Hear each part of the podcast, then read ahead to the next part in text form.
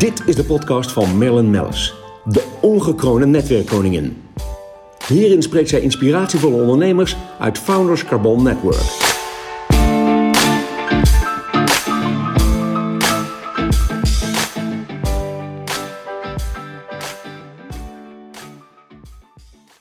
Marlene de Jong, ehm, ja, jij, voor mij zit jij heerlijk bij ons op het hoofdkantoor ehm, hier in Amsterdam.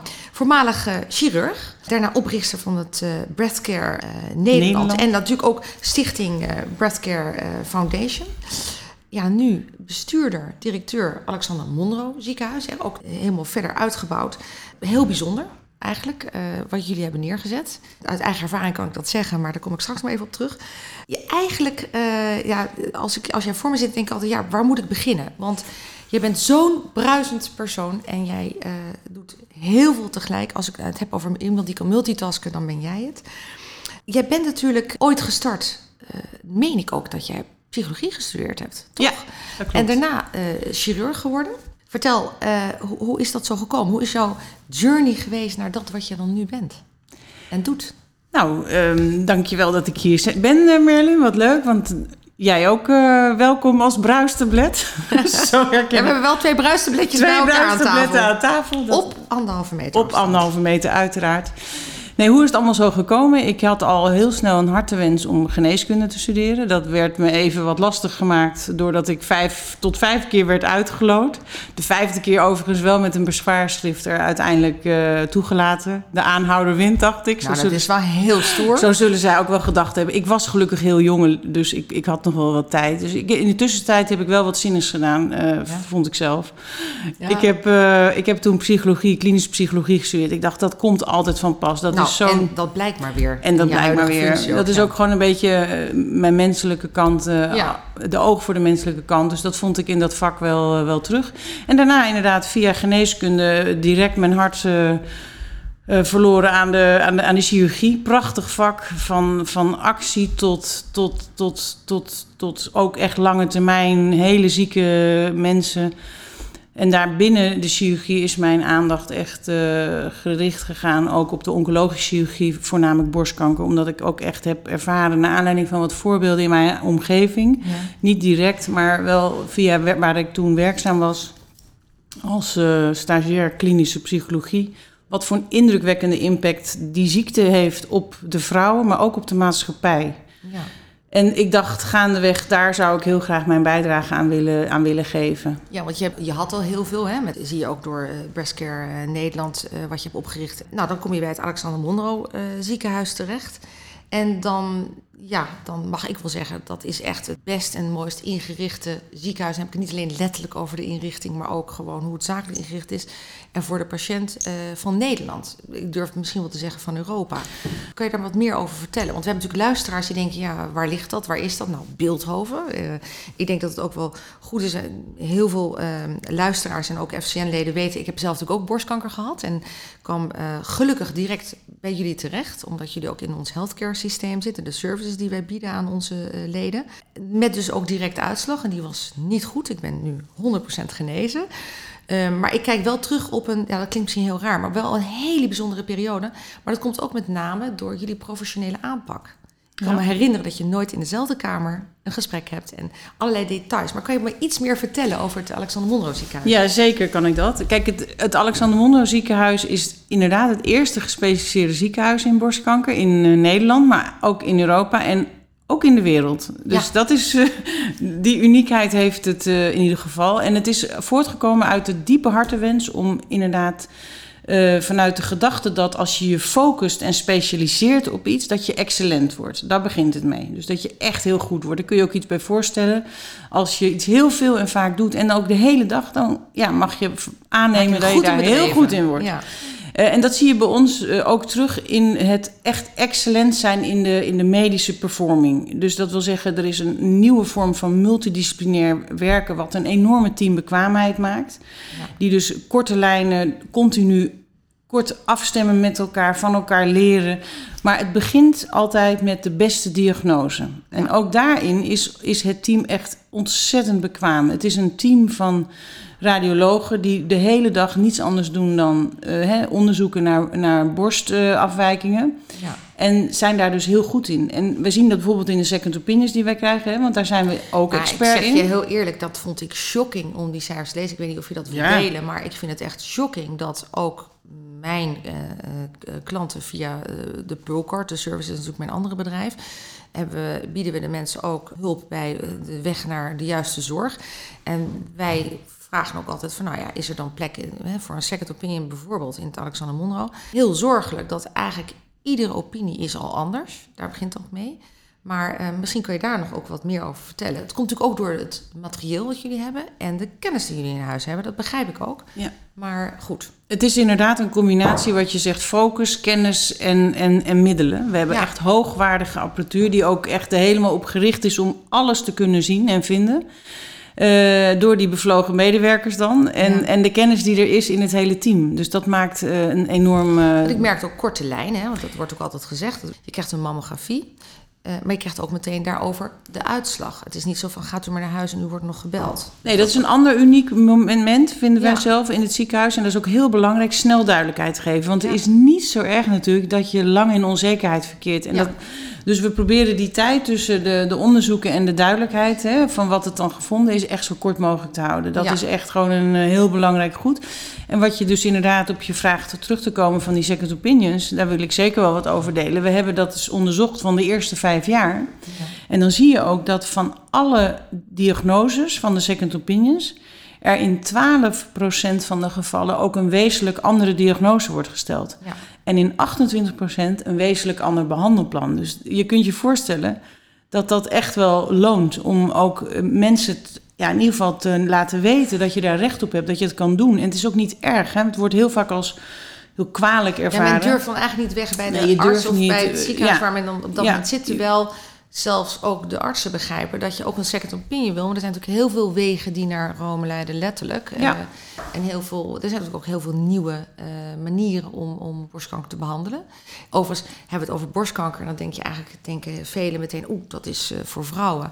Maar ik ben ook heel wat mannen tegengekomen. Zeker. En Ja. daarom zeggen we ook altijd in de campagne Ken je borsten. Dat Ja. het is voor mannen en vrouwen. Hè? Ook mannen kunnen borstkanker krijgen. Maar belangrijker nog is dat zij de, de erfelijke aanleg kunnen overdragen. Dus er is wel degelijk eh, heel groot eh, werk nog te verrichten om mannen ook het besef te geven dat zij een rol spelen In, in het overdragen van erfelijke aanleg. En Ja. dan moet je dus ook mannen informeren. Want die worden vaak gewoon omwille van ja, de logische verwachting dat dat niet bij mannen voorkomt, gewoon vergeten. Ja, ja dat, dat, dat is kwalijk. Dat mag natuurlijk niet gebeuren. En nou, ja, voor mij, ja, jij, jij bent natuurlijk een ondernemer, Echt fantastisch. Eh, wat is in nou in jouw ogen belangrijk? Want eh, normaal eindig ik daarmee, maar ik heb nog veel meer vragen. Dus we zijn nog lang niet klaar met de podcast. Maar eh, als ondernemer, wat vind jij belangrijk? Want je hebt natuurlijk een prachtige organisatie neergezet. Nou, ik, inderdaad, het is wel een, eh, een soort transitie die ik dan doorgemaakt heb. Ten eerste voelde ik al wel bij mezelf dat het erin zat hoor. Dus nog voordat ik begon met deze plannen om Breast Care Nederland op te richten. Omdat ik ook echt voelde en alles en zag dat het anders kon. En dan komt het eerste belangrijke kenmerk. Dan moet je, als je zoiets aanvoelt en je hebt echt overtuiging dat het zo is of kan. Dan moet je het omzetten naar actie. Daar begint het mee. Want dat vind ik de eerste vereiste voor iedere ondernemer. Want aan de tafel blijven zitten praten over wat er allemaal kan en wat je ervan vindt en klagen en dit en dat. En dan doen. En, maar dat werkt niet. Je moet het doen. Als je echt gelooft in, in, in een nieuwe ontwikkeling, dan moet je het doen. En dat voel je best wel goed bij jezelf. Of je daartoe zelf degene bent die dat dan moet gaan doen. Of dat je zegt, nou, ik, ik kan het wel leuk bedenken allemaal. Maar ik voel me niet eh, equipped in mezelf of ook niet, niet echt gesterkt voor jezelf om het te doen. En daar begint het mee. Je moet echt ook het, de, de drive hebben om te gaan, dus de energie. En daarvoor is nodig dat je ook lef hebt. Want hoe vaak heb ik niet gehad dat mensen bij het begin in, in, zaten we in de onderzeeboot. Hè, want eerst moet je ook eh, in stilte alles voorbereiden. Niet Ja. erover hebben, want iedereen vindt er wat van. En hou maar even je mond. Ja. Doe het maar even, werk het maar uit en kom dan rustig boven borrelen. Maar dan zijn er allemaal mensen natuurlijk die proberen je te ontmoedigen. Ah, en die zien gevaren, die zien beren, die zien hobbels en bobbels. En dat is allemaal waar. Die hebben we natuurlijk gehad. Ja. Kolonnenberen, Ja. kolonnenbergen, sky high.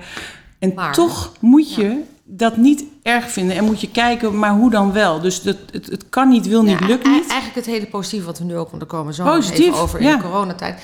Eh, wat kan er wel? En, en Wat kan er wel? wel Ja. bewerkstelligd? Ja. Nou, ik denk dat maar wel een- met verstand. Hè? Dus je moet niet, het is niet, ik wil hier niet een soort cowboy eh, indruk, eh, look eh, positioneren, dat dat Nee. het is. Want dat is gevaarlijk. Nee, eh, goed maar je moet een soort in- onderbouwd, je moet goed beslagen ten ijs, en, en, maar, maar niet weglopen voor een beer. Dus je moet mensen om je heen verzamelen die in staat zijn om wel mee te, kritisch mee te kijken van doen we iets wat toevoegt, wat ertoe doet, wat dit en dat. Maar het ook uit kunnen voeren samen. Ja, maar niet allemaal mensen die zeggen: Oh, maar dat is wel spannend. Dat je een soort van eh, met je neerwaartse spiraal naar onder wordt gewerkt. Dus just do it. Ja, maar je hebt ook, nou mag ik wel zeggen, een prachtig team op een gegeven moment. Hè, eh, met je eh medeoprichters allemaal. Hè, jullie hebben het echt om je heen verzameld, zeg maar. Ehm er hangt ook een hele positieve sfeer bij jullie eh, in het pand ook alleen al. Wat natuurlijk eigenlijk heel bijzonder is, want we hebben het toch over een hele ernstige ziekte. Ehm, dus ik denk dat dat ook wel heel bijzonder is. Ik wilde nog even terugpakken over hoe bijzonder het is bij jullie. Natuurlijk omdat ik het zelf heb meegemaakt, maar je hoort ook van, eh, ik wil eigenlijk zeggen klanten, maar ik bedoel natuurlijk patiënten, ehm, hoe fijn het is dat je neemt ze mee naar een, een eigen ruimte. Ja, Eh, ja. en eh, in die ruimte is of goed nieuws of slecht nieuws, maar jullie houden dat bij. En ik begreep dan daarna ga je weer naar een andere Ja, dat is zeker een van de elementen. Dat er, Ja. die, er is heel veel aandacht besteed in het hele traject hè, voor de patiënt. Voor echt oprechte aandacht en gastvrijheid. En afstemmen van wat vind jij als vrouw of man belangrijk. En wat is er voor jou nodig. En dat wordt wel eens vergeten. Hè? En dat hoeft. Er, er wordt altijd gezegd: kijk, dat gaat van ontvangst tot de ruimtes waar je in zit, tot aan de behandelingen die je moet doorstaan, de gesprekken op de wijze waarop de gesprekken worden gevoerd. Ja. In al die stappen ervaar je eigenlijk dat iedereen echt oprecht betrokken is bij jou. En bij jou als mens en bij jouw wens. Want Ja, iedereen. met nog een echt een fantastisch social hospitality. Met dat socials, dus gastvrijheid en Ja. echte aandacht, dat is echt wel een van de, een van de, een van de, heel, ja, de unieke momenten in, het, in de zorg, in het Want, aanzet. wat- want als ik dan kijk naar nu, hè, we zitten nu nog helaas steeds in, in, in midden in de zoveelste lockdown voor corona. Hoe, die aandacht kan je nog steeds geven. En dat is natuurlijk op, op afstand. Maar hoe ervaar je dat nu? Eh, want we hebben natuurlijk een aantal maanden nu achter de rug. Hoe gaat het nu in coronatijd met het Alexander Mondel ziekenhuis en de patiënten? Nou, de, hoe het gaat. Er was natuurlijk in het begin een hele grote zorg over dat toen de mensen en niet naar de huisarts gingen. En dat de bus van het bevolkingsonderzoek stilstond. En dat de huisartsen ook wat meer eh, ja, zelf, eh, dus minder goed bereikbaar waren Ja. voor, de, voor de patiënten. Dat dat een combinatie was, dat er echt een hele grote daling werd, was gezien in het aantal diagnoses. Daar begint het mee als je vraagt hoe het nu gaat. Ja, terwijl je En- weet dat er nog steeds heel De borstkanker is niet Ja. weg in de corona. Nee, ik bedoel, die nee. wacht niet ook op de corona, helaas. Dus we hebben toen eh, man, man en macht moeten, moeten inzetten om te zorgen dat vrouwen en mannen echt absoluut eh, zich eh, bewust zijn van dit probleem. En dat ze zich niet laten, dat ze niet Weerhouden afwachten en laten weerhouden. Maar Ja. dat ze zich echt melden en niet wachten met een klacht. Dat is één. Want er zijn echt, ik geloof, in, de, in het dieptepunt was er een dip van 50% in het aantal diagnoses. Later, dus die loopt, hè, dan krijg je een enorme achterstand, nog los en- van de en- consequenties. Precies. Nou ja, de consequenties zijn natuurlijk eh, hoe langer je wacht en het, en het is wel mis, Dat kan, erger ja. de ziekte wordt. Ja, dat kan. En dat wil je natuurlijk voorkomen. En, en zijn jullie dan nu al een stukje weer, hoe moet ik dat zien? Heb je alweer een stukje daarvan ingehaald? Ja, we, we vermoeden dat er toch nu, nu alles weer wat beter op gang is in Nederland. Ondanks nog de hele grote zorgen natuurlijk over de, de zorg voor corona, die nog zeker niet voorbij is. En daar we ook echt nog met z'n allen goed op moeten letten dat we dat niet eh, weer hè, eh, laten exploderen. Zodat het weer de andere zorg veel, veel meer verdringt dan dat het nu nog doet. Maar ik denk dat er wel, wel weer wat op gang is. Maar ik zie ook eh, dat er ehm, eh, een voordeel bij ons lag. Dat je in ieder geval als gespecialiseerd ziekenhuis, die niet de corona Want binnen heeft niets. Nee, dat je eigenlijk heel goed je rol kunt pakken en ook je, je kunt aanbieden om die borstkankerzorg zo goed mogelijk door te laten gaan. En daar hebben wij ontzettend voor eh, ingezet met het hele team. Ja. Alle inspanningen geleverd om zoveel mogelijk mensen ook te kunnen helpen. Want er is niets erger dan dat je met zo'n potentieel eh, zwaard boven je hoofd moet wachten omdat er geen plek is. En dat Nee. is gewoon iets wat wij hebben gedaan. Dat zien wij ook. En daarom hebben we ook gezegd in de toekomst hebben we ook, denk ik, een hele goede ja, positie laten zien van een gespecialiseerd ziekenhuis in een, want, in een ramp. Want hoe, hoe ziet de zorginstelling eruit in de toekomst? Ja, ik, nou ja, er worden natuurlijk, je hoort nu duizend meningen op ieder. Hè, iedereen Ja. zegt we gaan weer terug naar top-down en het moet allemaal weer dit en het moet allemaal weer eh, centraal. En ik geloof dat niet dat dat de oplossing is. Dat zou wat zijn, zeg. Dat je dus, dat is, noem ik eigenlijk eh, reageren in het moment in een soort paniek. Maar als je heel rustig nadenkt, kun je ook zeggen: hé, hey, ja, we zijn misschien wat uit de hand gelopen met de bestaande ziekenhuizen, waarbij alles maar onder één dak moet. Maar er zijn ook heel veel situaties voor te stellen waarbij je het wat beter gaat rubriceren, waardoor er wat uiteindelijk niet alles zo in één keer eronder leidt als er zich een ramp voordoet. Nee. Dus ik, Ja, ik daar zie. je toch echt wel, denk ik, ook wel een lichtend voorbeeld van. Dat dan bij jullie het inderdaad gewoon in alle rust door kan lopen. Met Ja. natuurlijk wat aangepaste maatregelen. Tuurlijk. Maar hoe belangrijk is het? Natuurlijk ontzettend belangrijk. Want ja, ik zat te denken, geeft corona dan een soort van toekomstperspectief? Een ander, ander licht schijnt dat erop nu dan, op de zorg? Nou, ik heb, ik voor mij wel. Ik heb wel echt, ik hoop ook echt dat het niet wordt, eh, dat de corona, de pandemie niet wordt gebruikt als, nou, we moeten nu alles maar weer terug naar het oude systeem. Maar ik hoop dat het een enorme power gaat geven en ook een inspiratie wordt om juist de zorg op een andere manier te, verder te ontwikkelen en eh, juist minder eh, gecentraliseerd. Ja. Maar meer eh, ook kijken van, hé, hey, wat heeft nou de corona allemaal, allemaal ons ja, opgeleverd? teweeggebracht. En wat heeft het Ja. teweeggebracht? En waar hadden we misschien een afslag naar links kunnen nemen of beter naar rechts? En hebben we niet gedaan omdat nou eenmaal het gewoon lastig was. Het enige lastige is, of nou het enige, er zijn wel wat meer dingen hoor. Ja. Dat klinkt zo, klinkt heel schattig en rustig, maar het is natuurlijk heel. la- Er zijn zo ontiegelijk veel belangen. En, en, en, en ik merk dat ik in de discussies die je leest, eigenlijk dat die bepalen hoe het voor de patiënten eruit gaat zien. En dat vind ik altijd wel lastig. Nee, ja, eigenlijk hoor ik hierin, eh de patiënt blijft toch echt centraal staan. Als je de patiënt centraal staat en dan gaat kijken wat zou je dan allemaal kunnen ontdoen in het zorglandschap. En dat even met en zonder corona, hè? want ik, Ja. vind dit ook, ik vond dit ook al ervoor. Nee, precies. Ik heb helemaal nooit eh, de corona ervoor nodig gehad om anders te denken over het zorglandschap. Maar het Ja. wordt nu wel versterkt. In de, in de corona heb je weer een nieuw inzicht erbij, laat ik het zo zeggen. Dat je gewoon moet kijken van wat is nou in het belang van de patiënt. En als dat consequenties heeft voor de huidige comfort die we hebben met elkaar en de wijze van organiseren, dan is dat zo. Niet leuk meteen voor iedereen per se, maar ik denk dat we als we echt verder willen als Ja. Nederland en ook als Nederland BV in de zorg en, en, en, en dat we ook echt vernieuwend willen zijn, dan moeten we dat wel onder ogen komen. Ja, nou, Zonder het- meteen terug te vallen op allemaal comfortabele oude systemen. Van dan gaan we Nee, het maar precies. weer gewoon vanuit eh, Den Haag allemaal regelen of dit of dat. Dat is niet de weg te gaan. Nee, ik denk het ook niet. En daar sluit ik me ook echt eh, volmondig bij aan. Ehm, ik denk ook een mooi besluit is eh, van deze podcast. Ehm, ik denk, ja, ik, ik zeg altijd op het laatst, zijn er nog dingen die jij heel graag wilt vertellen? Want ik heb uiteraard altijd wel zaken die ik nog wil vragen. Maar ik kan me zo voorstellen dat er leeft nu zoveel op dit moment in, in de zorg. En zeker bij Alexander Monro. Dat je hebt vast nog wel topics waarvan je denkt, nou, daar wil ik nog eventjes wat, wat over kwijt. Nou, ik, ik, ik kan alleen maar aanmoedigen dat, eh, dat, ik, eh, dat er gewoon meer mensen zullen komen, ook, ook in de zorg. Die gewoon met, met, met, met gezonde dosis lef, en, eh, maar ook met visie en ook met, met, met power, met ouderdouw. Hè? Want je moet best wel Ja, je moet je moet wel- geduld hebben en een, een lange adem hebben. Om toch ook de zorg te helpen ontwikkelen. Want we merken dat we dat echt. eh, het komt vanuit hè, de binnenkant.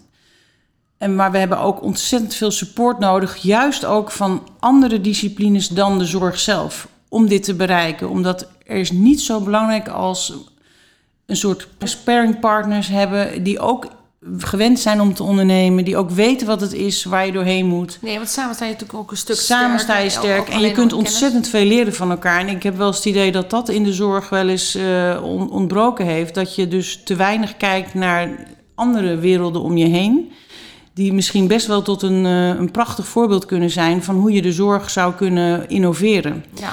En, en zelf heb ik dat ook ervaren, want anders is het soms best alleen. Als je dus eigenlijk door allemaal weer en wind hè, moet dingen veranderen. Ja. En eh, de- dan blijken er maar heel weinig mensen zijn die het echt begrijpen. En grappig genoeg kom ik toch bij de ondernemers die uiteindelijk met veel bij, begrijpen van niets naar iets. Als Ja. iemand tot vooral de ondernemers van niets naar iets. Ja, passievol. Passievol, een goede koers, tegenslagen, ups en downs, maar ook heel veel eh, visie en, en echt bevlogenheid. is, die ondernemers komen natuurlijk ook op jouw pad. Omdat ik weet, je hebt natuurlijk ook heel veel donateurs. Eigenlijk mensen die echt betrokken zijn eh, bij het ziekenhuis. En dan heb ik het niet over mensen die zelf of waarvan de wederhelft of in de familie eh, borstkanker is geconstateerd. Echt, echt oprecht mensen die jou willen steunen, jullie willen steunen.